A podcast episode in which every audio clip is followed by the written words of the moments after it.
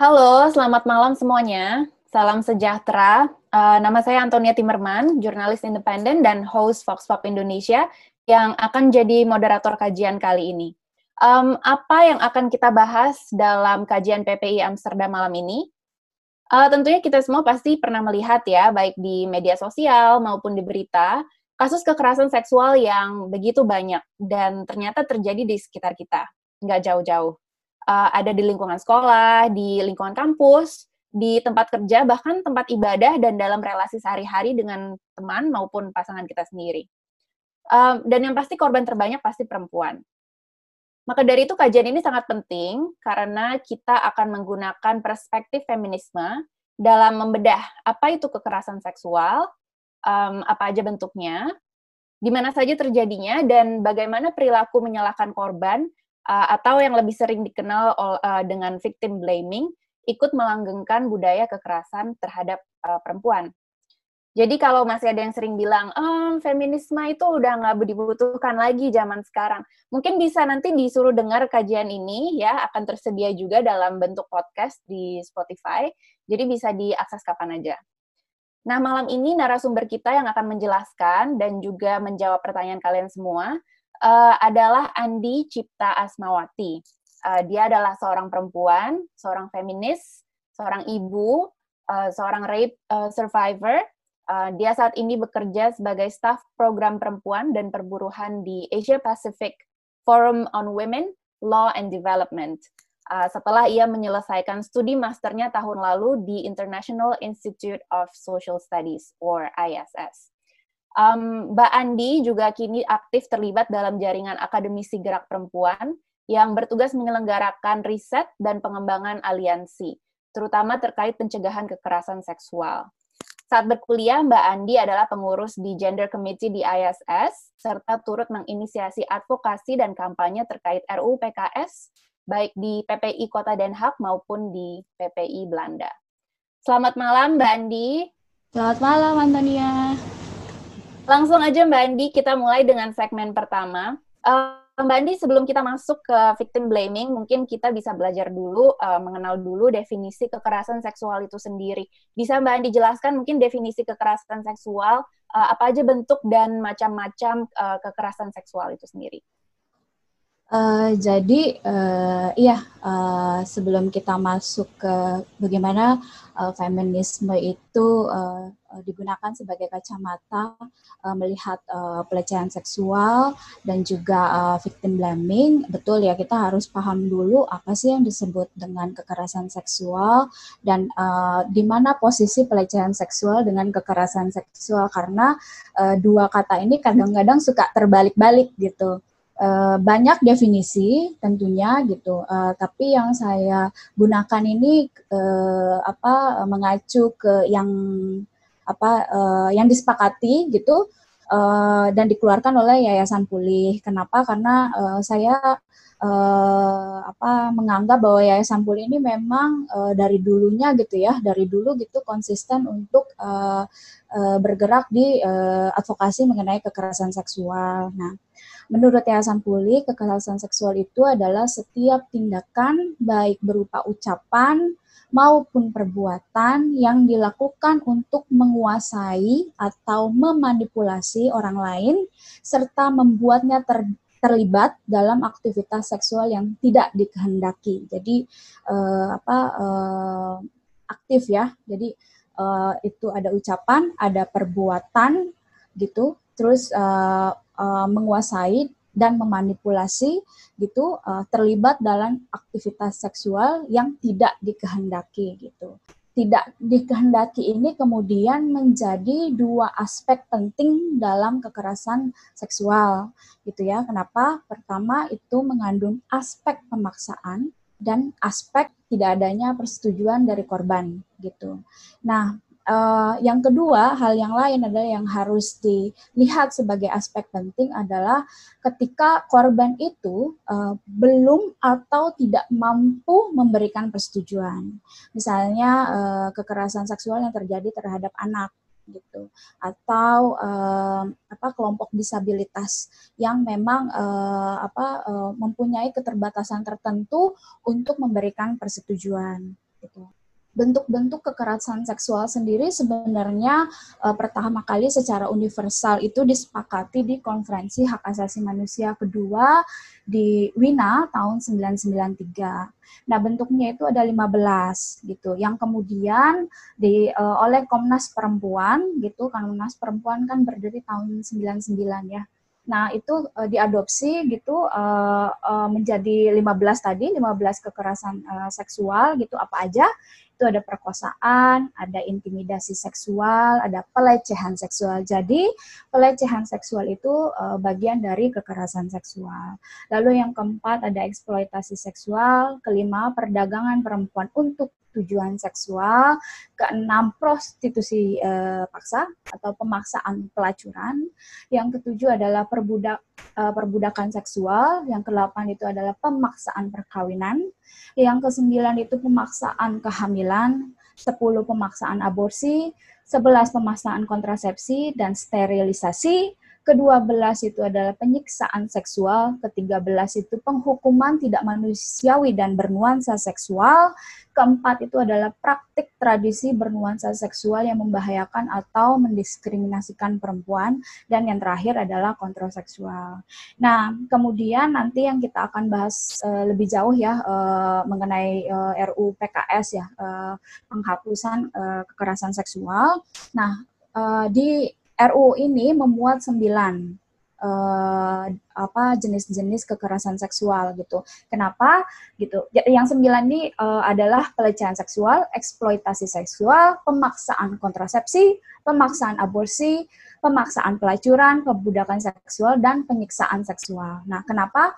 Karena misalnya kayak di 15 tadi itu ada intimidasi dan uh, kontrol seksual. Nah, itu masuk sebetulnya dalam uh, definisi dari kekerasan seksual sendiri. Kenapa? Karena dalam kekerasan seksual itu uh, ada faktor intimidasi dan ada faktor kontrol gitu antara pelaku dan korban gitu.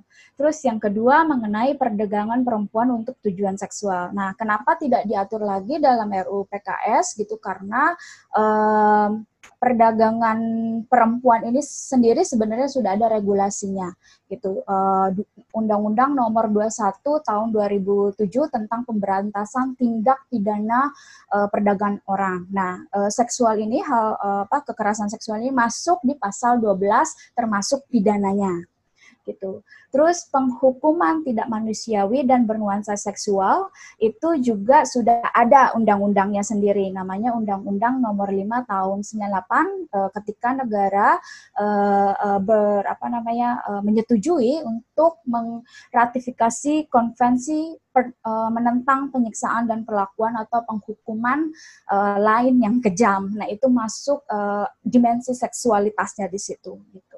Nah, hmm. kemudian uh, uh, nah uh, karena ini judulnya adalah pelecehan seksual, maka yang teman-teman uh, harus uh, apa uh, uh, highlight di sini adalah definisi pele uh, pelecehan seksual itu adalah tindakan seksual lewat sentuhan fisik maupun non fisik gitu. Uh, body contact atau non body contact gitu dengan hmm. sasaran organ seksual atau seksualitas korban gitu. Nah, kalau saya bilang seksualitas korban di sini adalah hal-hal yang bukan terkait apa namanya bukan terkait dengan organ seksual tapi bisa jadi uh, mengenai misalnya orientasi seksual seseorang terus hmm. uh, apa gaya hidup seseorang gitu ya yang kemudian itu um, uh, tindakannya itu menggunakan siulan, main mata, ucapan uh, bernuansa seksual, terus uh, uh, mempertunjukkan materi pornografi gitu, uh, uh, uh, sexual desire gitu tanpa persetujuan, terus uh, colekan atau uh, sentuhan di uh, sentuhan di bagian tubuh, uh, terus um, yang menyebabkan rasa tidak nyaman tersinggung, merasa direndahkan martabatnya, sehingga kemudian menyebabkan masalah kesehatan dan uh, keselamatan gitu. Nah, teman-teman yang harus kita ini juga ya uh, apa tekankan juga bahwa sering kali pelecehan seksual ini uh, selalu uh, ar, apa namanya asosiasinya itu ke body contact gitu. Padahal sebenarnya yang non body contact itu terjadi di sekitar kita juga gitu. Apa misalnya kayak humor-humor yang seksis ya, humor-humor yang seksis yang uh, apa namanya uh, merendahkan perempuan gitu dan dilontarkan uh, uh, apa dari misalnya ya dari dari laki-laki uh, ke perempuan terus uh, pen, uh, body shaming gitu ya uh, uh, dan objektifikasi uh, tubuh itu juga bentuk dari pelecehan seksual. Nah, um, saya mau bilang bahwa kenapa saya bilang itu perempuan-perempuan terus gitu ya karena memang faktanya hingga hari ini uh, uh, yang menjadi korban itu masih mayoritas uh, itu adalah perempuan dan pelakunya itu masih didominasi oleh laki-laki. Tentunya kita berharap tidak ada lagi yang namanya pelaku dan uh, apa namanya pelaku dan korban yang kemudian didominasi oleh jenis kelamin tertentu gitu. Hmm. Tidak ada lagi kejadian ini. Mbak Andi tadi um, aku mendengar poin paling penting itu uh, sepertinya ini ya uh, tidak adanya persetujuan dari korban. Tapi juga ada kasus-kasus uh, kekerasan seksual yang seakan-akan pelaku itu mendapat uh, persetujuan dari uh, dari korban. Uh, mereka bisa bilang oh dia bilang iya kok gitu. Uh, itu bagaimana kita bisa mengatakan bahwa itu termasuk kekerasan seksual juga? Nah, yang uh, harus dilihat adalah faktor psikologis dari uh, korban gitu. Um, jadi ada tiga hal ya yang dilihat. Apakah dia powerless gitu? Apakah dia itu dalam kondisi ketakutan di bawah ancaman? Di bawah ancaman itu kan bisa macam-macam. Misalnya ketakutan uh, kalau uh, apa namanya dilaporkan oleh orang tuanya gitu atau di PHK atau dipecat atau dikawin paksa atau ditinggalkan uh, apa ditang, ditinggalkan pacarnya kalau ini dalam konteks pacaran gitu atau misalnya um, dalam kondisi uh, marital rape gitu uh, perkosaan dalam perkawinan gitu ya. Jadi um, ini juga dikenal sebagai bentuk uh, uh, dari kekerasan seksual gitu. Kenapa? Karena perkawinan sendiri sebenarnya kan uh, sebuah peranata yang diamini secara sosial gitu ya. Dia merupakan bentuk peranata sosial dan uh, hubungan seksual itu dilegitimasi dalam peranata ini gitu. Tidak ada yang namanya perkawinan gitu kalau tidak kemudian ada elemen hubungan seksual yang dilegitimasi gitu. Nah, ketika uh, masuk ke dalam uh, ranah perkawinan, maka interpretasi budaya interpretasi uh, apa namanya masyarakat terhadap institusi ini pun uh, kemudian uh, menjadikan salah satu pihak gitu dalam uh, institusi ini itu menjadi powerless gitu ya. Kenapa? Misalnya um, uh, apa namanya? Kenapa perempuan itu diam gitu ya ketika misalnya uh, uh, uh, uh, diajak diajak secara paksa untuk melakukan hubungan seksual uh, uh, uh, dari uh, apa katakan misalnya suaminya gitu kan. Nah, karena itu nilai yang dibawa tidak sadar, karena itu adalah uh, apa mengundang ketakutan dan dia harus dia seolah-olah harus berposisi bahwa dia tidak bisa menolak sehingga kemudian ini yang uh, dianggap bahwa uh, apa namanya diam gitu, bungkam gitu. Uh, dianggap itu uh, uh, tanpa uh, di, dianggap itu dengan persetujuan gitu ya. Karena kan bagi masyarakat uh, kita ya aku bilang uh, misalnya uh, apa namanya masyarakat kita pada umumnya diamnya perempuan itu dianggap iya gitu. bukan tidak. Jadi diam perempuan itu dianggap iya gitu. Diset, apa dianggap bersetuju gitu kan Nah, hmm. terus yang kedua adalah uh, ada istilahnya pelecehan uh, quid pro quid pro quo gitu. Jadi pelecehan ini terjadi karena itu, ini untuk itu gitu. Nah, dia itu uh, melibatkan tindakan seksual tanpa persetujuan gitu dan dia itu uh, apa namanya salah pelaku meminta korban untuk mengiyakan gitu karena ada syarat atas perwujudan karena karena ada syaratnya gitu karena ad, sebagai syarat untuk perwujudan akses tertentu misalnya uh, kamu uh, apa namanya uh, saya terima kerja tapi uh, begini begini begini gitu. Itu tidak dikatakan secara verbal, tapi itu masuk dalam uh, apa namanya? dalam psikologi ancaman itu sendiri gitu. Terus misalnya uh, karena uh, syaratnya itu kamu uh, uh, tidak akan saya tinggalkan kalau kamu mau melakukan ini. Gitu. Nah itu yang disebut uh, pelecehan seksual quid pro quo. Jadi ini untuk itu, gitu. Terus hmm. yang ketiga adalah uh, dalam istilah psikologi juga uh, uh, apa namanya banyak kasus di mana perempuan sendiri itu diam gitu, bukan bukan apa namanya dia tidak berteriak gitu ya, dia tidak berteriak, dia diam gitu karena sebetulnya dia mengalami kelumpuhan yang disebut imobilitas tonik. Jadi imobilitas tonik, jadi badannya itu tidak bisa uh, apa bergerak sama sekali gitu. Nah, ini yang paling sebetulnya yang paling uh, apa uh, yang paling ekstrim dari dampak uh, uh, terhadap apa terhadap pelecehan seksual maupun kekerasan seksual. Kenapa? Karena pasca kejadian ini korban itu mengalami dua kali rentan terkena post traumatic uh, stress disorder gitu. Apa aja gitu? Uh, ada yang namanya uh, hyper arousal.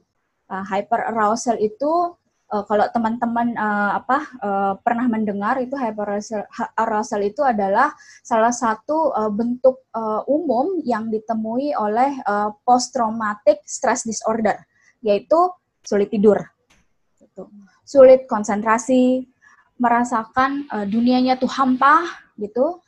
Mudah marah agresif gitu. Emosinya meledak-ledak gitu terus tidak menerima uh, mengapa uh, apa namanya dirinya itu mengalami ini gitu kan. Karena itu dia selalu merasa takut dan panik gitu. Jadi panik attack yang selalu datang uh, tanpa di apa namanya uh, datang tiba-tiba begitu aja. Terus uh, uh, dan ini kemudian melahirkan perilaku-perilaku uh, apa namanya perilaku-perilaku beresiko lain gitu Terus ada kecenderungan juga menunjukkan sikap rasa bersalah atau malu gitu ya. Jadi sebenarnya dia adalah uh, orang yang harus dibela, tapi karena dia mengalami ini dia merasa bahwa dirinya itu bersalah gitu.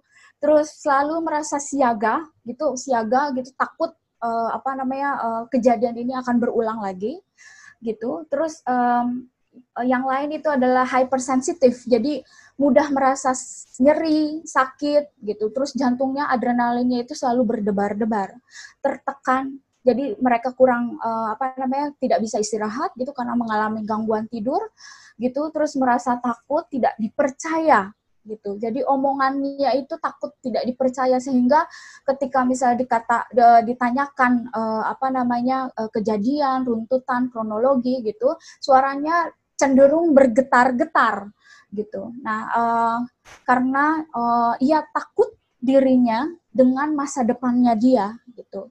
Terus uh, uh, dia juga mempertanyakan seksualitas dia gitu. Uh, bagaimana saya sebagai uh, apa korban ini masih punya harapan tidak untuk uh, apa namanya uh, hak saya yang lain gitu hmm. Antonia.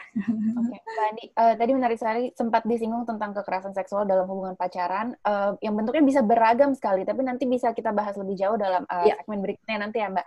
Uh, mungkin kita sekarang balik ke dasar dulu, ke basics. Uh, apa sih perbedaan antara korban atau victim dengan penyintas atau survivor? Nah, uh, mungkin dari situ kita bisa masuk ke victim yeah. blaming. Ya, ya. Jadi kalau di um, di feminisme sendiri itu ini kan sebenarnya uh, karena feminis ya yang kemudian menciptakan dua definisi ini gitu. Uh, pertama korban gitu ya. Ini korban ini dalam uh, uh, apa namanya dalam kerangka bahwa uh, pelecehan seksual atau kekerasan seksual itu adalah kejahatan jadi ada pelaku dan korban. Nah, korban ini adalah seseorang yang mengalami penderitaan psikis, mental, fisik, seksual, ekonomi atau seks uh, apa atau sosial yang diakibatkan oleh kekerasan seksual. Gitu. Nah, kita sepakat bahwa uh, apa tidak seorang pun kan yang mau jadi uh, korban kekerasan seksual gitu. Nah, kemudian ada konsep lain yaitu survivor atau penyintas. Nah, penyintas itu adalah korban itu yang uh, mau atau telah berjuang untuk bangkit dan memulihkan dirinya sehingga merasa dirinya itu adalah sepenuh-penuhnya manusia yang bermatabat. Nah, uh, tapi proses uh, apa namanya menjadikan proses dari korban ke penyintas gitu perubahan ini itu tidak mudah karena uh, korban sendiri menghadapi banyak tekanan dan uh, dan itu tekanan itu menyudutkan dirinya, mempersalahkan dirinya gitu. Yang kita sering sebut itu sebagai uh, victim blaming atau menyalahkan korban gitu ya. Nah, victim blaming sendiri itu bisa didefinisikan sebagai berbagai respon negatif yang menyudutkan atau mempermasalahkan posisinya sebagai korban atas peristiwa kekerasan seksual yang dialaminya gitu terus uh, bahkan menuduh perempuan itu justru yang menginisiasi atau mengundang atau memicu kekerasan seksual itu sendiri terhadap uh, apa yang menimpanya gitu. Misalnya uh, uh, apa namanya? Ya terang aja kamu uh, uh, mengalami pelecehan seksual. Kan kamu pakai rok mini tengah malam gitu kan. Padahal perkosaan itu juga uh, bukan hanya terjadi terhadap perempuan yang menggunakan uh, mengenakan rok mini dan juga bukan terjadi di malam hari gitu. Jadi tidak ada hubungannya antara apa yang dilakukan korban gitu uh, dengan uh, ke kejadian uh, kekerasan seksual itu sendiri gitu. Tapi masalahnya adalah victim blaming uh, itu sebetulnya sudah terlembaga juga gitu ya. Uh, menyalahkan korban Eh, alih-alih pelaku gitu. Dan uh, ini sudah merambah gitu sudah menjalar ke institusi hukum kita sayangnya gitu ya.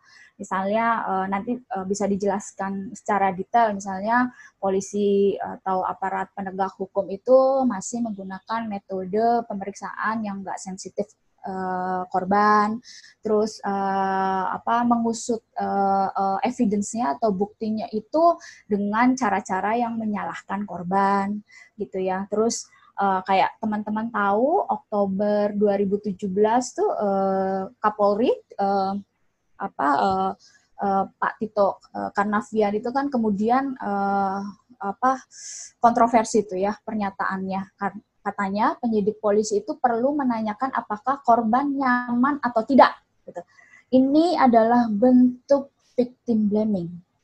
Gitu. Menanyakan korban nyaman atau tidak gitu. Ini uh, merupakan reaksi yang apa namanya uh, uh, yang tidak sepantasnya dari uh, aparat penegak hukum itu sendiri gitu. Yang seharusnya bisa uh, uh, mengedepankan atau memprioritaskan perlindungan terhadap uh, korban uh, kekerasan seksual maupun pelecehan seksual. Mbak Andi, uh, mengapa sih masyarakat kita itu mudah sekali menyalahkan korban? Ada budaya apa di situ? Jadi aku masuk dulu ya ke yang aku bilang gitu uh, datanya ya. Jadi kayak ya. misalnya uh, 2017 BPS itu kan udah uh, pernah uh, launching gitu ya hasil survei nasional itu bahwa satu dari tiga perempuan itu pernah mengalami kekerasan fisik atau kekerasan seksual selama hidupnya. Gitu, itu BPS. Terus uh, uh, Komnas Perempuan gitu dari tahun ke tahun selalu ya uh, melaporkan dari catahunnya tuh uh, catatan akhir tahun itu bahwa kasus kekerasan seksual itu selalu meningkat gitu. Dan pun secara global Indonesia itu dianggap sebagai negara yang paling berbahaya nomor dua bagi perempuan itu dari kekerasan seksual itu sendiri itu um, yang nomor satu itu India gitu. Terus karena apa? Karena um, paling buruk juga misalnya pelayanan kesehatannya, hukumnya juga belum bisa melindungi keselamatan perempuan atau mencegah kekerasan uh, seksual terhadap perempuan gitu dan juga banyak aspek uh, dari budayanya tadi yang Antonia bilang gitu. Nah, yang saya mau bilang bahwa kekerasan seksual itu bukan terjadi tiba-tiba. Kekerasan seksual itu terjadi karena adanya ketimpangan relasi kuasa antar gender gitu. Superordinat yang pemegang kuasa yang lebih tinggi gitu dan dalam ranah ini kemudian uh, dia berperilaku sebagai pelaku dan subordinat uh, pemegang kuasa yang lebih rendah gitu yang dalam ranah ini uh, dia diposisikan sebagai korban gitu. Nah, wujudnya ini beragam, tidak linear dan sangat tergantung dengan konteks uh, konteksnya gitu. Nah, masalahnya adalah kenapa juga selalu perempuan gitu? Karena memang uh, budaya kita itu masih menganggap bahwa laki-laki uh, itu superior gitu ya. Suka atau tidak suka ya ini masih masih terjadi gitu. Terus apa namanya masih uh, men menguntungkan laki-laki masih uh, apa namanya melanggengkan dominasi laki-laki terhadap perempuan gitu pun uh, masih terjadi toleransi adanya dominasi itu gitu. Dominasi antara laki-laki terhadap perempuan gitu. Nah kemudian penguasaan ini atau dominasi ini diartikan sebagai hak laki-laki untuk mengendalikan tubuh perempuan gitu. Nah um, ini yang kemudian uh, apa namanya uh, di di di di diamini di banyak uh, di beberapa budaya bahwa kekerasan seksual itu dianggap wajar gitu ya. Kalau mengacu pada uh, definisi yang kita sebutkan tadi gitu. Terus yang kedua adalah realitas ekonomi gitu akses ekonomi perempuan yang dikondisikan yang dikondisikan untuk uh, terbatas bagi perempuan sehingga memaksa perempuan untuk menerima penganiayaan dari orang pada siapa dia bergantung gitu. Jadi uh, apa namanya uh, pasif uh, powerless itu terjadi juga de, uh, dari faktor uh, uh, akses dan kontrol ekonomi uh, terhadap perempuan gitu. Terus yang hmm. ketiga adalah uh, yaitu faktanya itu pelakunya itu masih didominasi oleh laki-laki ya kan. Nah sekarang kalau misalnya menjelaskan uh, culture gitu ya, keep, um, jadi uh, victim blaming itu adalah salah satu indikasi yang memperlihatkan bahwa suatu budaya itu masih melanggengkan perkosaan gitu ya. Ini suka atau tidak suka gitu. Nah, apa uh, yang bi biasa disebut dengan rap culture gitu. Nah, apa itu rap culture? Adalah keyakinan budaya kita yang memungkinkan perkosaan itu terjadi dan mengakibatkan perempuan itu diam, tertutup atas kejahatan terhadap tubuh mereka. Nah, tapi di lain sisi karena diam inilah kemudian masyarakat itu tidak tahu seberapa sering atau pada siapa perkosaan itu terjadi gitu. Jadi uh, ada ignorance dari masyarakat gitu karena uh, kita meyakini bahwa perkosaan itu uh, apa uh, oke-oke aja gitu. Nah wajar. ini wajar-wajar aja gitu. Nah ini adalah uh, rantai yang nggak bisa diputus ya. Jadi ini uh, uh, selalu terjadi berulang-ulang gitu.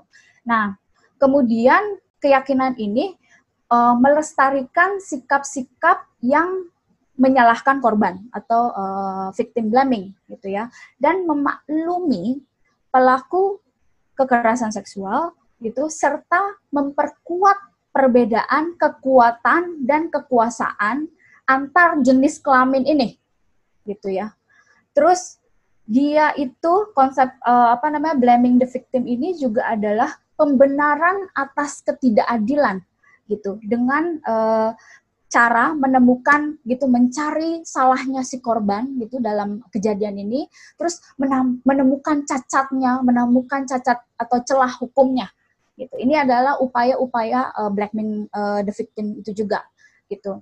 Nah salah satu yang bisa dilihat juga adalah mitos gitu ya kalau misalnya uh, perkosaan itu juga misalnya kalau dialami oleh anak-anak gitu atau kekerasan seksual yang dialami oleh anak-anak itu juga sangat berhubungan dengan konsep anak-anak perempuan yang baik atau anak perempuan yang nakal.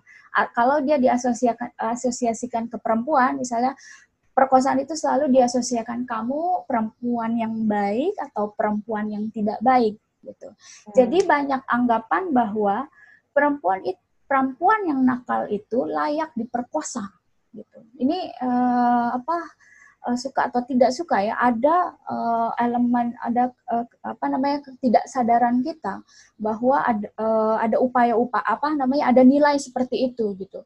Dan uh, perempuan nakal itu layak diperkosa sehingga pun mereka sebetulnya meminta untuk diperkosa. Nah, ini yang uh, apa namanya wujud dari uh, mitos uh, victim blaming itu sendiri gitu. Hmm. Oke, okay, terima kasih Mbak Adi. Uh, Oke, okay, sekarang kita bisa ke segmen kedua. Uh, kita ingin mengenal lebih jauh ya kekerasan seksual yang terjadi di lingkungan sehari-hari, seperti di kampus misalnya.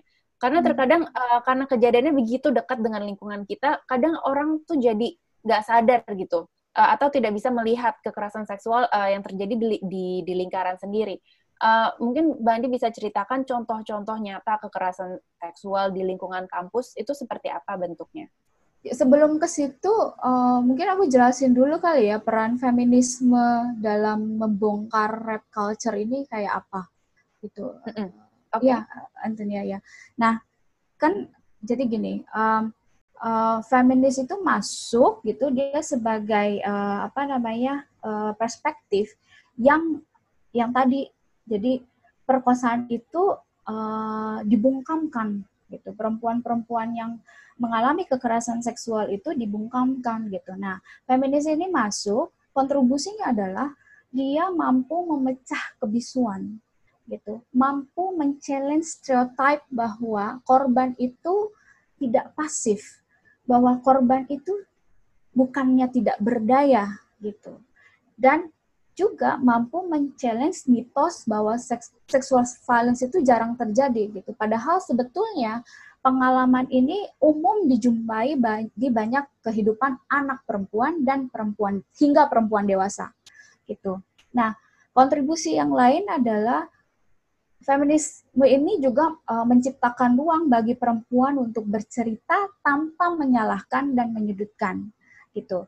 Tapi yang harus dipahami juga bahwa feminis berkontribusi uh, mengkerangkakan uh, kekerasan seksual itu sebagai kejahatan gitu. Nah, perspektif feminisme sendiri terhadap seksual violence itu dinamis, uh, apa uh, dinamis gitu ya Nah, kalau misalnya dulu teman-teman tahu ada namanya feminis liberal sama feminis radikal. Nah, kalau feminis liberal itu uh, uh, ini sejarah ya. Uh, feminis liberal sendiri sebetulnya uh, uh, awalnya itu concern ke uh, apa namanya perkosaan dulu, terus ke bentuk-bentuk kekerasan seksual yang lain gitu.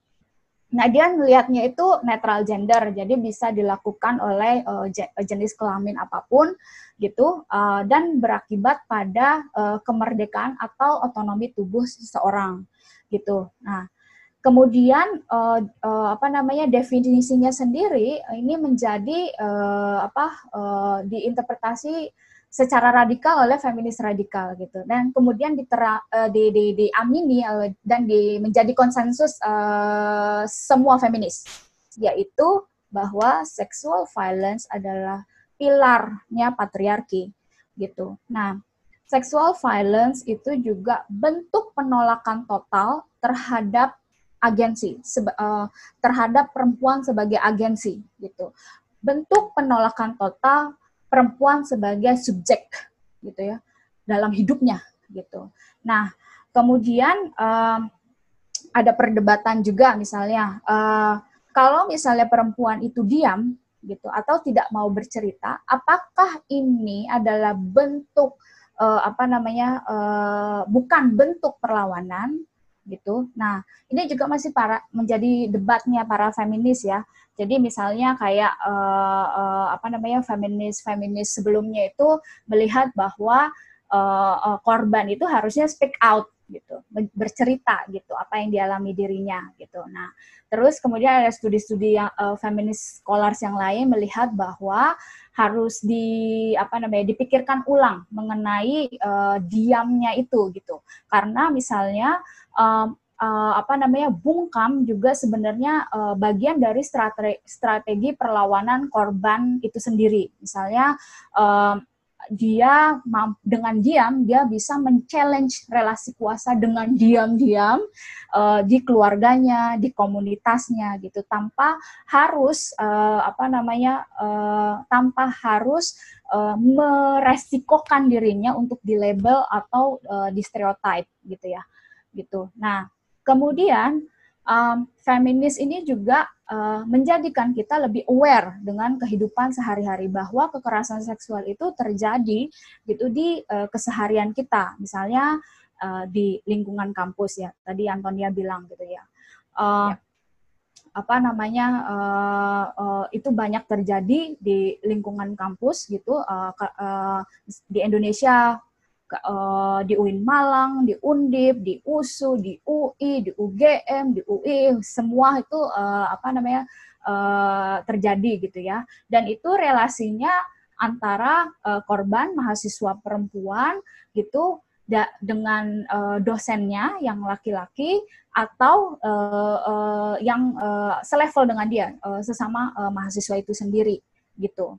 Dan uh, apa namanya tim menanganinya pun itu tidak mudah gitu karena tidak uh, semua universitas itu masih kayaknya masih satu ya masih UGM yang punya uh, mengen, uh, punya peraturan penanganan uh, dan pencegahan seksual gitu uh, kekerasan seksual gitu. Nah sebetulnya kasusnya sendiri itu uh, di dunia kampus ya itu mulai kalau uh, yang saya amati itu mulai uh, heboh itu ya uh, kemudian jadi pembahasan di media sosial itu kasus SS sama R, uh, dan RW di UI waktu itu.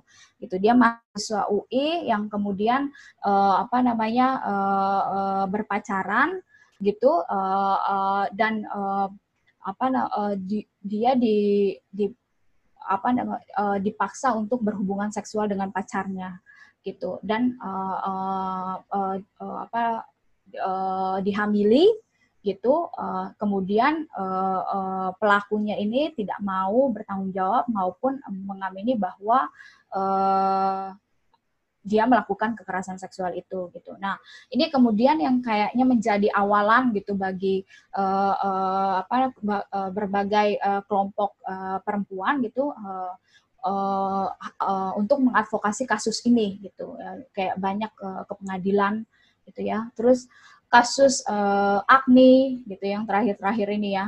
Ya dia mahasiswa apa arsitek uh, Fakultas Teknik uh, UI uh, so, uh, sorry uh, Agni uh, mahasiswa UGM gitu. Uh, ya gitu kan. Jadi dia mengalami uh, pelecehan seksual gitu. Terus uh, ujung-ujungnya uh, disuruh bersepakat uh, atau uh, universitas uh, uh, bersu, apa namanya uh, menawarkan uh, strategi non litigasi gitu. Jadi dianggap bahwa kasusnya selesai tanpa dipidana, ya tanpa diselesaikan secara hukum gitu.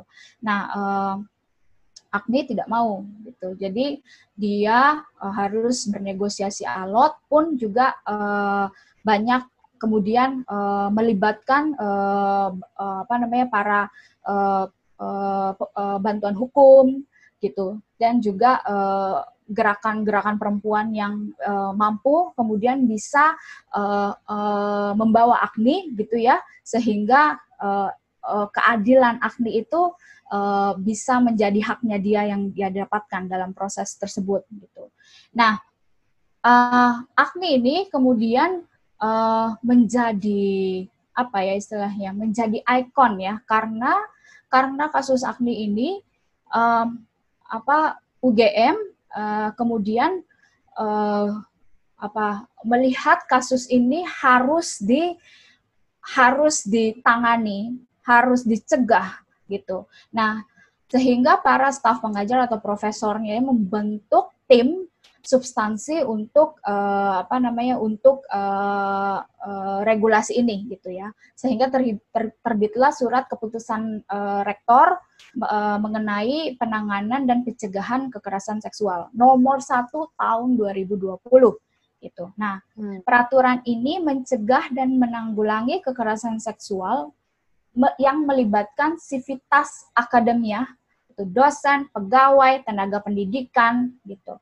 Uh, baik di kalangan mereka maupun antar anggota, baik di dalam kampus kejadiannya maupun di luar kampus gitu.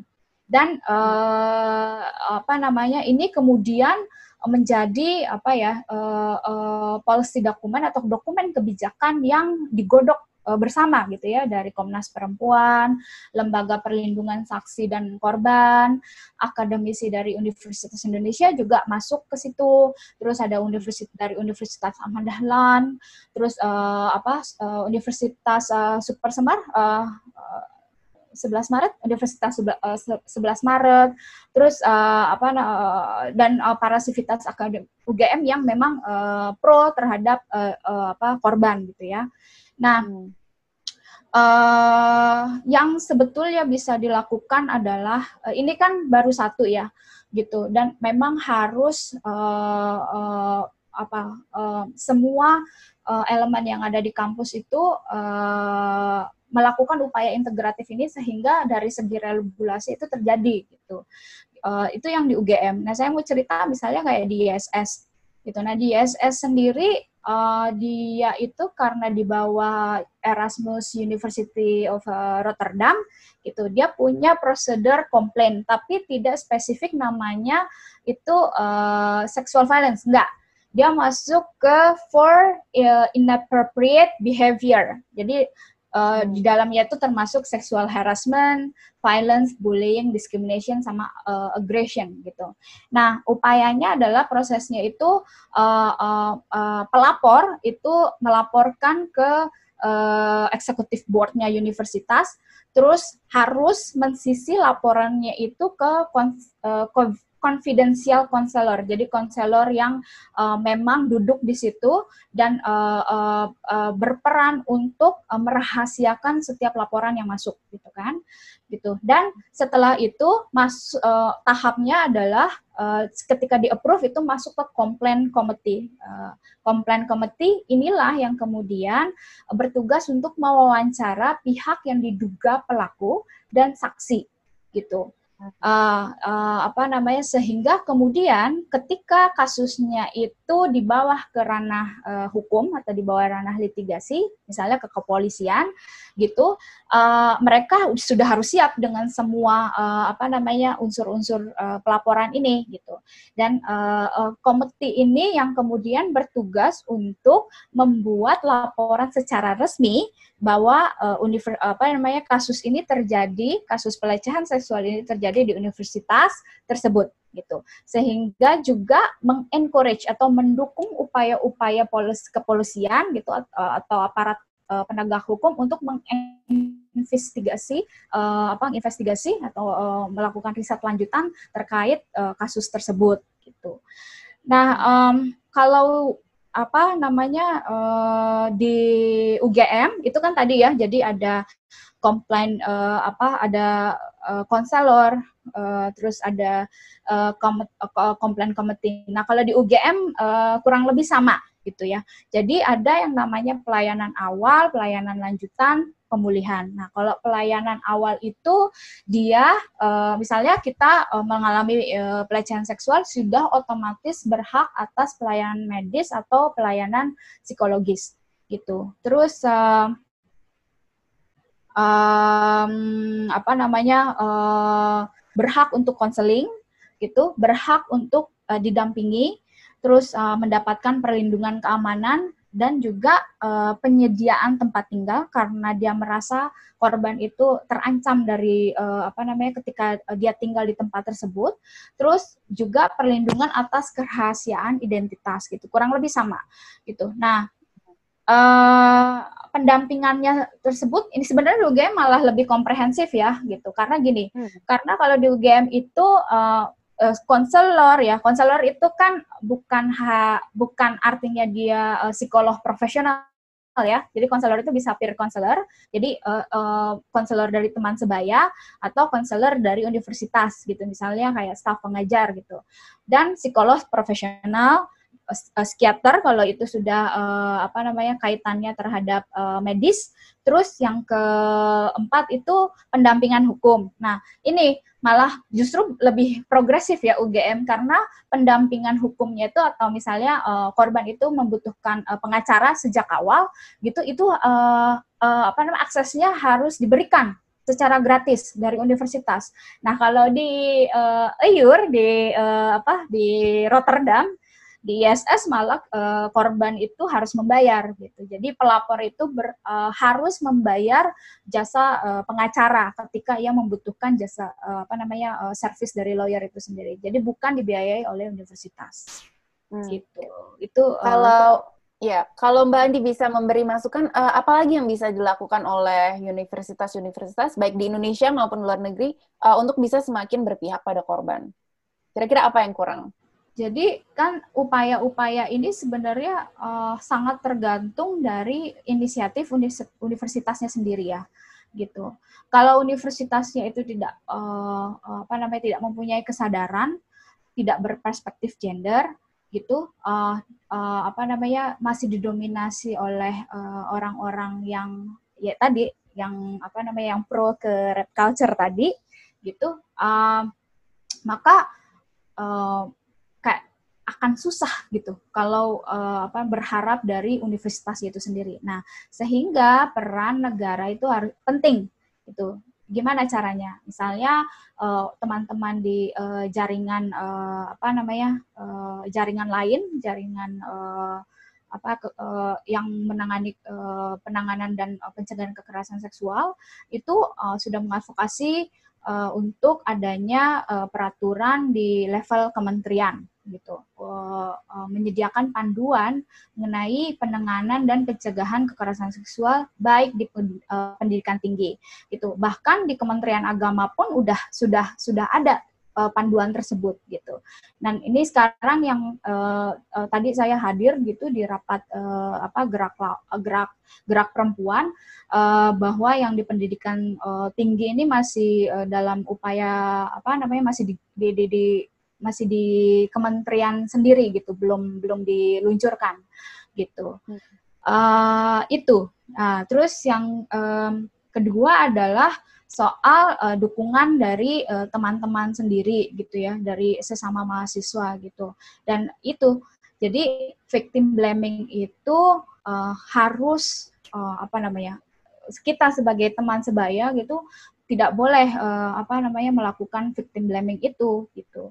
Nah, uh, yang saya jelaskan itu kan proses yang menyulitkan uh, korban itu kemudian mampu memberdayakan dirinya, mampu mengempower dirinya sehingga uh, uh, ia pulih gitu. Nah, yang dilakukan juga adalah um, dia uh, mahasiswa apa namanya uh, sesama teman gitu membantu untuk dalam proses pembelian uh, baik uh, apa pemulihan psikologisnya maupun sosialnya gitu. Karena uh, dampak yang dialami oleh korban kekerasan seksual itu juga ke ranah sosial ya. Kayak misalnya mendapatkan stereotip, mendapatkan diskriminasi gitu. Bahkan misalnya uh, uh, apa karena malu menganggap apa malu dan merasa bersalah gitu sehingga ia tidak mau lagi bercermin tidak mau lagi pergi kuliah, tidak mau lagi mendengar namanya gitu, menghilang dari uh, apa nama uh, ingin menghilang dari kehidupan. Nah ini yang kemudian yang harus di apa uh, teman-teman itu harus uh, proaktif gitu menanyakan, uh, memberikan ruang untuk bercerita,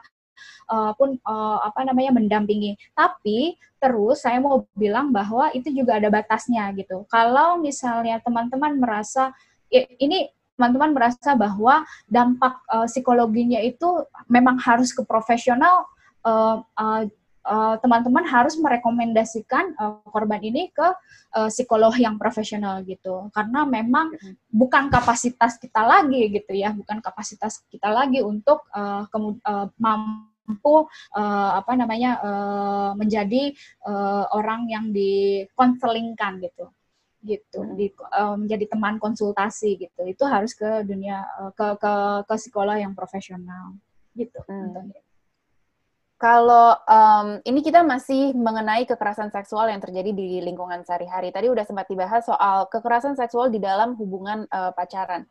Gimana Mbak Andi kok bisa uh, bisa terjadi kekerasan seksual dalam hubungan pacaran itu seperti apa contohnya, seperti apa situasinya? Oh ya, jadi ya saya mau bilang tadi kan bahwa ya. uh, kekerasan seksual itu memang akarnya kan dari ketimpangan ya, ketimpangan uh, di dalam relasi kuasa gitu.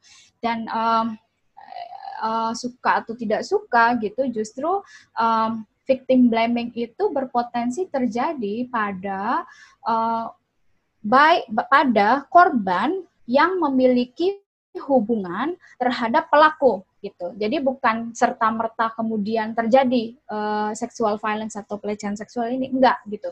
Jadi mereka sudah dalam uh, institusi atau sudah dalam hubungan gitu. Ini kemudian terjadi uh, berpotensi terjadi victim blaming gitu kan, gitu. Nah, mereka menganggap bahwa hubungan itu uh, melan apa hubungan itu dilandasi dengan suka sama suka gitu ya, gitu. Uh, uh, uh, dianggap itu uh, uh, proses yang setara gitu. Padahal sebetulnya um, um, apa namanya kekerasan seksual itu didasari dengan motif pemaksaan atau intimidasi sehingga salah satu di dalam hubungan tersebut merasa terhina dan dipermalukan atau merasa ketakutan gitu. Dan uh, itu tadi yang uh, uh, apa namanya uh, pro quit quit pro quit apa saya lupa pro quit pro. Jadi ini untuk itu gitu. Jadi uh, ada harapan misalnya uh, saya tidak mau ditinggalkan oleh pacar saya sehingga saya harus melakukan ini gitu. Saya tidak mau ditinggalkan oleh suami saya sehingga saya uh, apa namanya uh, mau saja uh, ketika uh, dipaksa kontrasepsinya ketika uh, dipaksa untuk uh, apa namanya berhubungan seksual padahal dia tidak mau gitu. Dan uh, misalnya juga da terjadi dalam uh, apa hubungan kerja ya gitu antara misalnya uh, karyawan dengan supervisor gitu uh, supervisornya atau bosnya gitu. Nah ini uh, yang tidak terlihat gitu karena lagi-lagi yang namanya pelecehan seksual atau kekerasan seksual itu bukan kemudian itu body contact gitu yang kemudian bisa dilihat orang tapi hal-hal yang non body contact pun terjadi sehingga ancaman itu terus menerus menteror uh, apa uh, dia gitu menteror dia sehingga dia merasa uh, uh, apa ketakutan dan uh, akhirnya uh, apa uh, uh, uh, terpaksa untuk uh, diperlakukan seperti itu Terima kasih Mbak Adi atas penjelasannya. Uh, ini kita berikutnya akan membahas yang lebih seru yaitu RUU PKS.